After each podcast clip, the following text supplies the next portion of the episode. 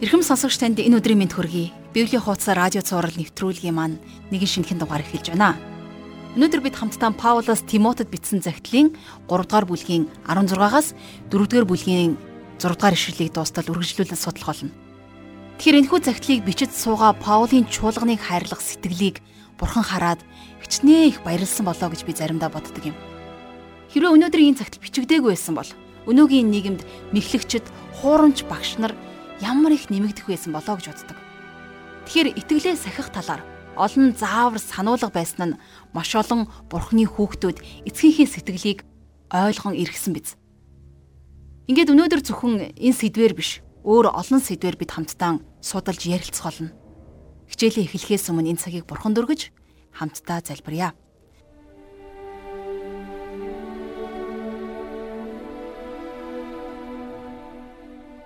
Бурхан Аава таньда энэ өдрийн төлөө талархал магтаалыг өргөн залбирч байна.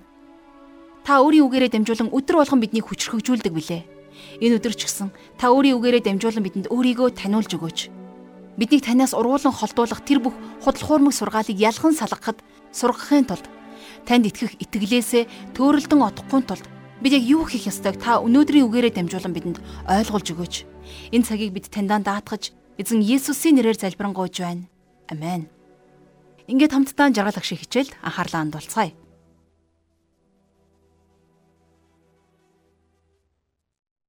За өнөөдрийнхөө хичээлийг хамтдаа 1-р Тимот номын 3-р бүлгийн 16 дугаар ишлэлээс за 4-р бүлгийн эхний 6 ишлэлийг дуустал нь хамтдаа судлая.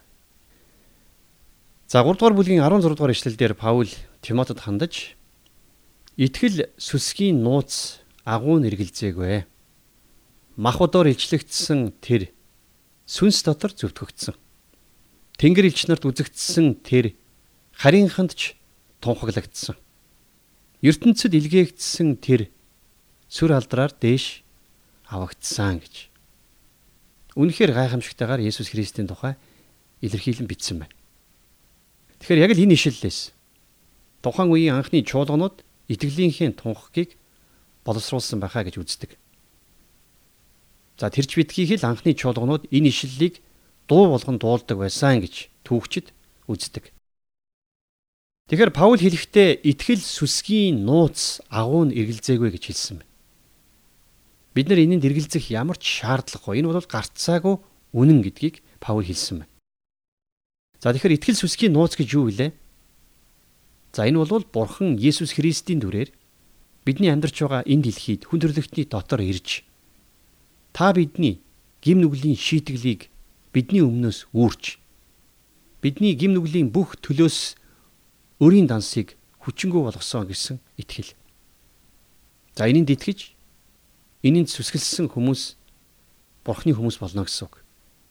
Өөрөөр хэлэх юм бол бурханлаг чанарыг тээгч хүмүүс болон өснө л гэсэн үг юм тийм ээ. За дараагаар нь махбодоор илчлэгдсэн тэр гэж бурхныг за Есүс Христийг хэлж байна тийм ээ. За Паул энд Есүс Христийг онгон бүсгүйгээс мэдлсэн гэдгийг онцгойлон хэлсэн байна. А нөгөө талаасаа бол Христ энэ дэлхийд мэдлэхээсээ ч өмнө оршин байсан гэдгийг бас бидэнд давхар хэлж байна. Юу вэ гэхээр Есүс өмнө нь сүнслэгээр оршин байсан. За Филиппотойгонд бичсэн загтлынх нь 2 дугаар бүлгийн 6 дугаар ишлэгийг харах юм бол Паул ингэж бичсэн байгаа тийм ээ. Есүсийг Бурхны дүрээр оршин байсан гэж. За Еврейчүүдэд бичсэн загтлын 1-ийн 3 дээр хүүн түүний алдрын туяа. Түүний мөн чанарын бодит илэрхийлэл болоо гэсэн байна. Эзэн Есүс Христ өөрөө Иохны 4-р бүлгийн 24-р эшлэлдэр Бурхан бол сүнс гэж хэлсэн байдаг шүү дээ. Христ хэдийгээр хүний нүдэнд үл үзэгдэх Бурханы мөн чанараар оршин байсан ч гэсэн та бидний нүдэнд үзэгдэж гарт баригдах махан биеэр энэ дэлхийд ирсэн. Тэр хүн болж хүмүүн төрлөختний дунд мэндэлсэн. Тэр бидний дунд хүм мөн чанараар оршин байсан учраас түүний сүнслэг чанарууд нь та бидний нүднээс халахлагдсан юм. За хэрвээ Иохны сайн мэдээний дээрээс харах юм бол за Иохны 1:14 дээр үг нь махан бий болж бидний дунд оршин байсан юм а гэж бичсэн байна. За хуучин гэрээний үед цүлд еврейчүүд майхан сүмийн дотор бурхныг харах боломжгүй байсан шиг Есүс Христ бидний дунд махан биер оршин байх зур түүний бурхан мөн чанарыг хүмүүс тэр болгон харж чадахгүйсэн. За тийм ч учраас хүмүүс түүнийг таниагүй. Түүний хэн болохыг олж мэдээгүй. Эхнээсээ бурхантай хамт байсан нэгэн бүхнийг бүтээгч нэгэн бяцхан нялзраа нялх хүүхэд болон мэдлэнэ гэж хинж төсөөлөөг. Тэр бол үл үзэгдэх бурхны дүр байсан. Түүнд тэнгэр газар дээрх бүх эрх мэдэл байлаа. На гисэн хэдий ч Есүс бидний төлөө хүний дүрээр энэ дэлхийд ирсэн байна. За тэгээд нэгэнт хүмүүс Есүсийг таньж чадаагүй учраас түүнийг нэр зээлдэгч, бурхныг доромжлогч, худалч, лойврчин гэж бодсон. За ингээд улмаар түүнийг үзен ядаж, шүүж, цаазалсан. Бурхан хүний биеэр энэ дэлхийд ирэхдээ та бидний л адил соригдож, зовж, зүдэрч, нулимс унгаж байсан. Паул хэлэхдээ тэр сүнс дотор зөвтгөгдсөн гэж хэлсэн байна. За мэдээж Есүс махан бие дотор биш харин сүнс дотор зөвтгөгдсөн. За Есүс энэ дэлхий дээр махан биеэр ирсэн тийм ээ. За тэгээд энэ дэлхий түүнийг махан бие дотор нь харсан. А гэхдээ тэр үхлийг ялж үхлээс дахин амьлахдаа сүнс дотор зөвтгөгдсөн байна. Энэ дэлхий дээр Есүсийг хэн болохыг илчилсэн илчлэлтүүд байсан. Түүнийг энэ дэлхий дээр мэдлэх үед Тэнгэр элч нар дуулалдаж Түүнийг усан баптизм хүртэх үед за мөн уулын орой дээр хувирч өөрчлөгдөх үед Бурхны сүр жавхлан илэрхийлэгдсэн байна. Тэр байтугай түүнийг цаазлах үед ч гэсэн Бурхны хүч чадал илэрхийлэгдсэн. За энийг олж мэдсэн нэгэн хүний өчлийг за Матай 27 дугаар бүлгийн 54 дугаар эшлэлдэр энэ хүн үнэхээр Бурхны хүү байжээ гэж тэнд Есүсийг цовдлсон зуутын дарга дуу алдсан байдаг. А гэхдээ түүнийг үхлээс амьлах үед бид нэр зөвтгөгдсөн. Түүнийг олж харах боломжтой болсон. Махбодоор илчлэгдсэн тэр сүнс дотор зөвтгөгдсөн гэж Паул хэлсэн байна, тийм ээ. Тэгвэл 1-р Коринтын 15-ын 44-р эшлэлдэр Паул хэлэхдээ энэ нь төрлөх биеэр таригдж сүнслэг биеэр амьлуулагдана гэж бичсэн байна. Есүсийг үхлээс амьсны дараагаар ямар ч дайсан түүнд хурж зөрхлөг. Түүнийг үл хүндлэх зөрхтэй нэг ч хүн байхгүй. Гэхдээ Есүс энэ дэлхийд ирээ зогсохгүй. Бурхан эцгийнхээ баруун гар талд заларсан байгаа учраас өнөөдөр бид ч гэсэн зөвтгөгдөх боломжтой болж байгаа юм аа.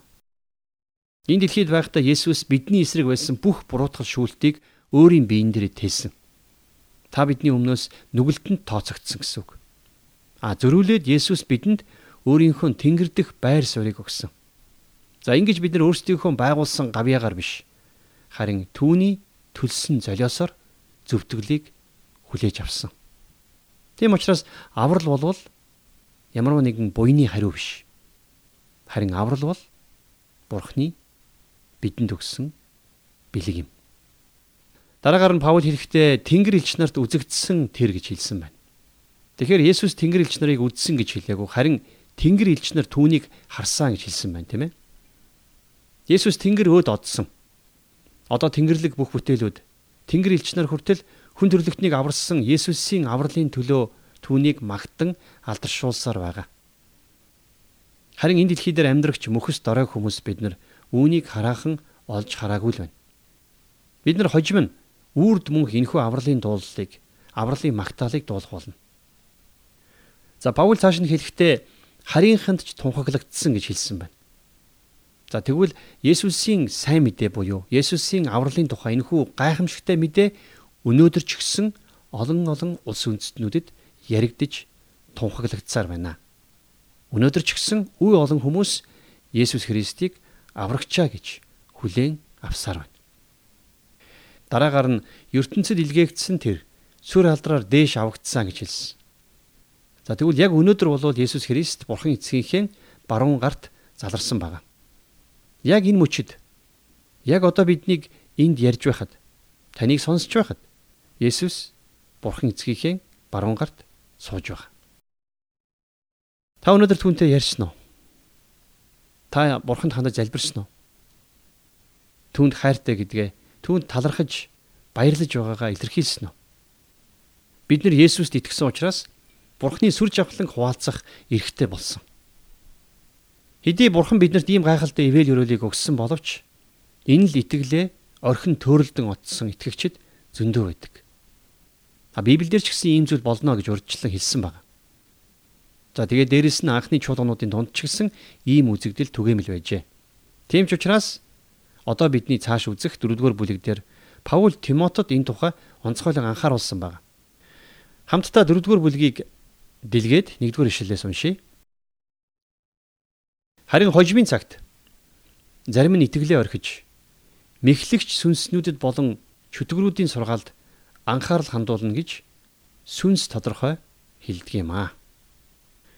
Тэгэхээр бидний өмнө нь үзэж дууссан 3 дугаар бүлгийн сүүлчийн ишлэл дээр гарч байгаа тэрхүү гайхалтай итгэлийн тунхагийг үгүйсгэж энэ итгэлээсээ эргэж за тэгээд улмаар чуулган дотор худал хуурмаг сургаалыг дэлгэрүүлж итгэлээс урагсад чуулганы дотроос аяндаа гарч ирэх болно гэдгийг Паул тодорхой хэлсэн байдаг.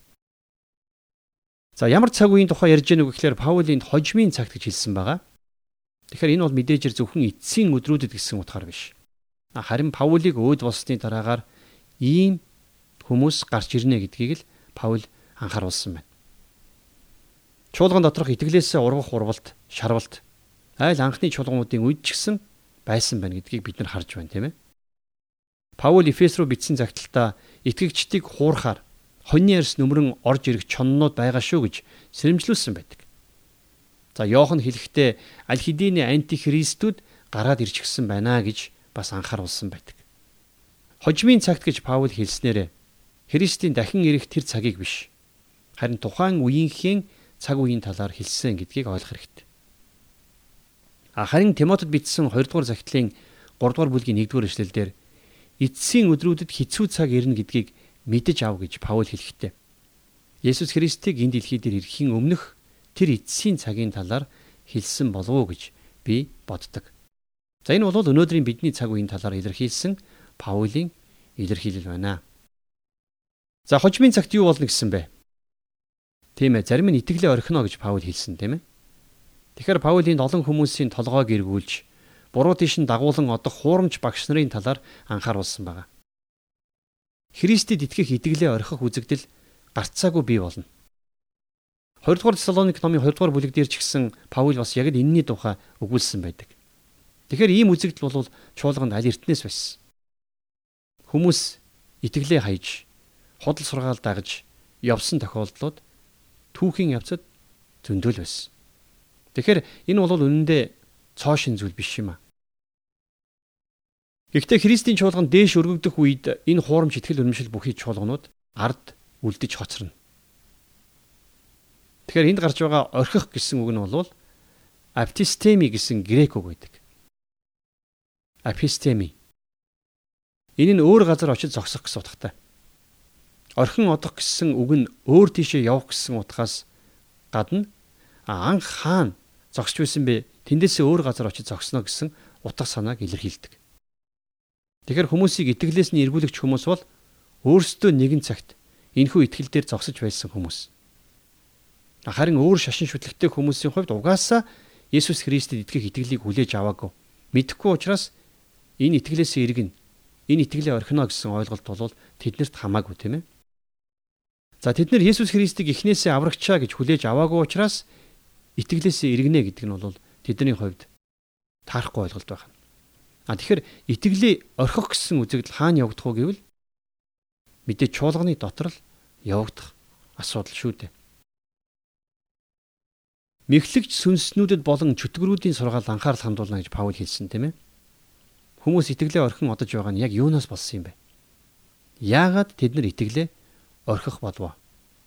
Тэд нар илүү ухаалаг, илүү боловсралтай учраас уу? Эсвэл шинжлэх ухаан илүү хөгжөөд итгэлийг үгүйсгээд баталчихсан учраас уу? Үгүй. Паул энд маш тодорхой хэлсэн байна. Юу гэж хэлсэн гэхээр мэхлэгч сүнснүүдэд болон чөтгөрүүдийн сургаалд мэхлэгдсэн хүмүүс гэж. Тэгэхээр мэхлэгч гэдэг энэ нэр уншин бол мэдээж сатааны тодорхойлж шүү дээ. Тэгэхээр тэд нэр сатааны сүнсэнд хуурдсан гэсэн үг. За өнөөдөр ч гэсэн шууд утгаараа чөтгөрүүдийн сургаалд анхаарлаа хандуулж энэнд автагсад олноор бий болсоор байгаа. Тэм учраас яг Йоохны өөрийнхөө анх дугаар загтал дээр бичсэнчлэн за тухайлах юм бол 4-р бүлгийн 1-р ишлэл дээр гардагчлан сүнс болгонд итгэлгүйгээр харин тэднийг бурхнаас ирсэн эсхийг мэдхийн тулд шалгадаг итгэгч нар байх ёстой. Яагад үгэвэл энэ дэлхийгээр дүүрэн мэхлэгч сүнснүүд байна шүү дээ. Тэгэхээр бид нар ингэж шалгахдаа 1-р Тимотийн 3-ын 16 дугаар ишлэл дээрээс үзсэн тэр л итгэлийн тунхагаар шалгах ёстой тийм ээ. За юу байла? Махбодоор илчлэгдсэн тэр сүнс дотор зөвтгөгдсөн. Тэнгэр элчнэрт үзэгдсэн тэр харийнханд ч тунхаглагдсан. ертөнцид илгээгдсэн тэр сүр алдраар дээш авагдсан гэж 1-р Тимотийн 3:16-г бид судлах үедээ уншсан. Тэгэхээр Есүс Христийн үхэлд итгэх итгэлээс өөр аврал байхгүй гэсэн энэ л тунхагаар бид нар өнөөдөр хуурамч сургаалыг ялгаж таних боломжтой. Иймэрхүү муу ёрийн сүнс чөтгөрийн асуудлыг онцгой анхаарч сонирхон судалдаг итгэгчид мэрсэр байдаг. А би бол хувьдаа заавал ингэх шаардлагагүй гэж боддог. Яг үг гэхээр тэртээ тэргүй та бидний эргэн тойронд муу ёрийн сүнс ажилласаар байгаа нь илхэн харагдаж байна шүү дээ. Харин ч Паул биднийг ийм чөтгөрийн сургаалд уруу татагдах вэ гэж болгоомжл гэж хэлсэн баг. Бид нар ийм зүйлээс хол хөндий байх ёстой сүнс болгоныг бурхнаас үгүй юу гэдгийг шалгадаг байх ёстой. Тийм учраас махбодоор илчлэгдсэн Христ Есүс нь сүнс дотор зөвтгөгдсөн. Тэнгэр нарт үзэгдсэн тэр харийнханд ч тунхаглагдсан. ертөнцид итгэгдсэн тэр сүр алдраар дээш авагдсан гэсэн энэ итгэлийн тунхагаар бид нар альва сүнсийг зөв үү буруу юу гэдгийг шалгах хэрэгтэй гэсэн үг байна тийм ээ. Хоёрдугаар эшлэлдэр Паул бичгтээ тэд мэс чанараа хуйхлуулад хоёр нүр гарган худал ярьж гэж бичсэн байна. Итгэлээсээ няцагчт нь маш шашинлаг, маш чухал дүрийг эсэгдэг болчдөг. За заримдаа үнэхээр супер агуу итгэгчийн дүртэй байдаг. Бусдаас онцгой, мундаг хүн шиг харагддаг.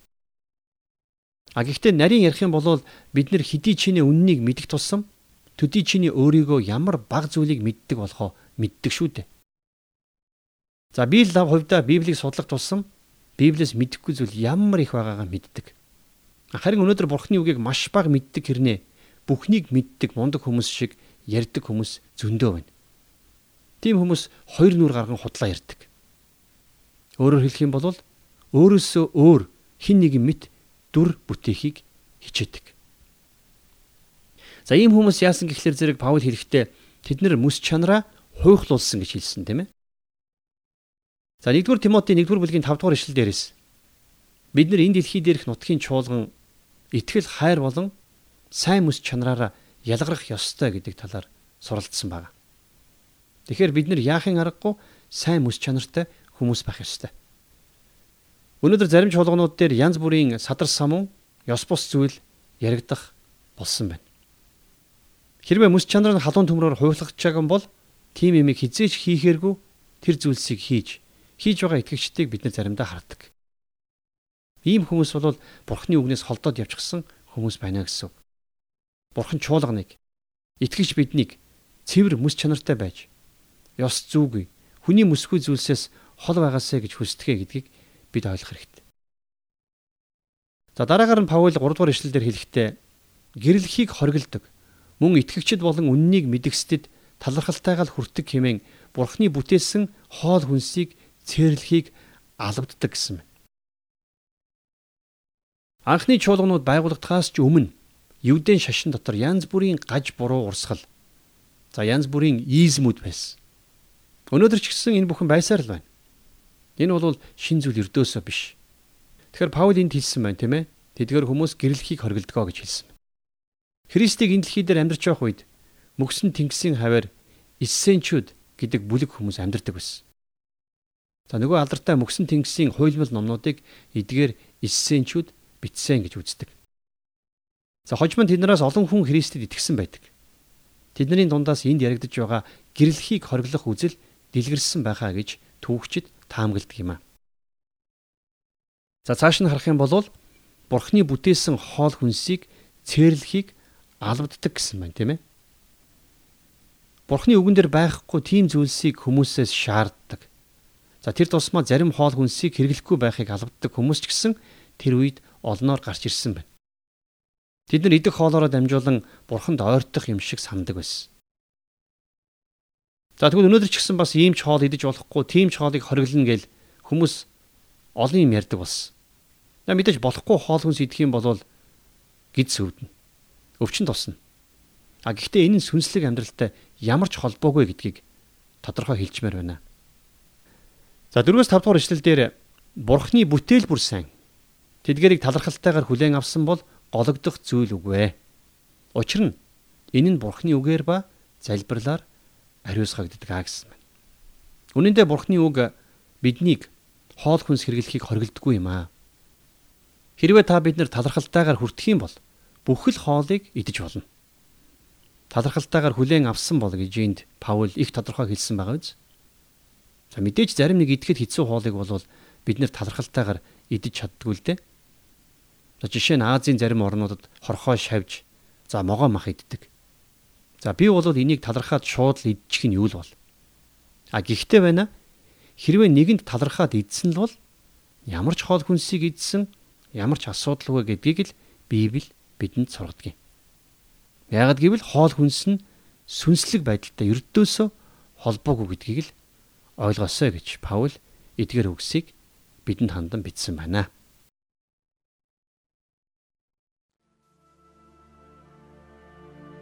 Тэгэхээр өнөөдрийн хичээл үнэхээр сонирхолтой байлаа. Хичээл маань өндөрлөхөд хэсэгхэн хором үлдээд байна. Хичээл сонсож байх үедээ зарим хүмүүсийг бид соёл заншлын хувьд арай л хэтрүүлээд туушраад байна уу да гэж боддог. Гэтэл соёл ёс заншил гэдэг үг дээдсийнх нь бусдаас ялгарч байсан онцлог үнэт зүйлс байдаг. Тиймээс өөрийн соёл дундаас бурхны хүсэлд үл нийцэх зүйлийг амьдралаасаа гаргах үргэлж хэцүү байсаар ирсэн. Хуурамч багш нар ч гэсэн энэ талаараа Библи ашиглан маш овжин аргаар хутхан мэхэлж өмөлдөг байсан. Итгэгчид ч гэсэн энэ асуудлаас болж олон удаа итгэлээсээ ухарч няцаж байсан. Чуулган дотор итгэлээсээ ухрах үзэгдэл аль эрт дээр үеэс л байсан. Тэднийг худал хуурмагт сургаал хуурамч багш нар руу уруу татдаг байсан. Бид энэ хурамч сургаалыг Христ бидний дотор махан биеэрээ ирж сүнсээр зөвтгөгдсөн түүнд итгэх итгэлээр л ганцхан авралыг авах ёстой гэсэн итгэлийн тунхагаар ялгаж салгах ёстой юм а. Тэгэхээр Тимот ном зөвхөн удирдахч, үйлчлэгч, ахлагч, пасторудад зориулагдсан биш. Жирийн нэгэн итгэгч та бид хоёрт ч гэсэн зориулагдсан ном. Өнөөдрийн хэсгээр бид маш олон зүйлийн тухай ялгаж таньж мөн амь амьдралдаа ч гэсэн шийдвэр гаргасан гэдэгт итгэлтэй байна. Бид хамтдаа 1-р Тимот номын 3-р бүлгийн 16-аас 4-р бүлгийн 6-р ишлэлийг тусдал уншиж судалсан байгаа. Танд нэгийг бодуулж хоёрыг тунгааж байгаа. Эзний өмнө залбирлаараа очицгоё. Их эзэн минь, таньда өнөөдрийн хичээлийн төлөө талархал магтаалыг өргөн залбирч байна. Үнэхээр бид Есүс Христэд итгэх итгэлээс өөр авралын зам байхгүй гэж тунхаглаж байна. Бидийг төөрөлдүүлэхийг хүсдэг альва муу ёрийн сүнсний уруу татлага тэр ов мэх худал хуурмаг сургаалаас та биднийг хамгаалж өгөөч. Альва сүнсийг ялгаж салгах тэр мэрэгэн ухааныг бидэнд дүүрэн цутгаач. Итгэлийнхаа тунхаг дотроо бат зогсоход бидэнд туслаарай. Өдөр болгон таны үг дотор алхахад бидэнд туслаарай. Бид танд оюун бодол, ам амьдралаа даатгаж эзэн Есүсийн нэрээр залбирanгуйч байна. Амен.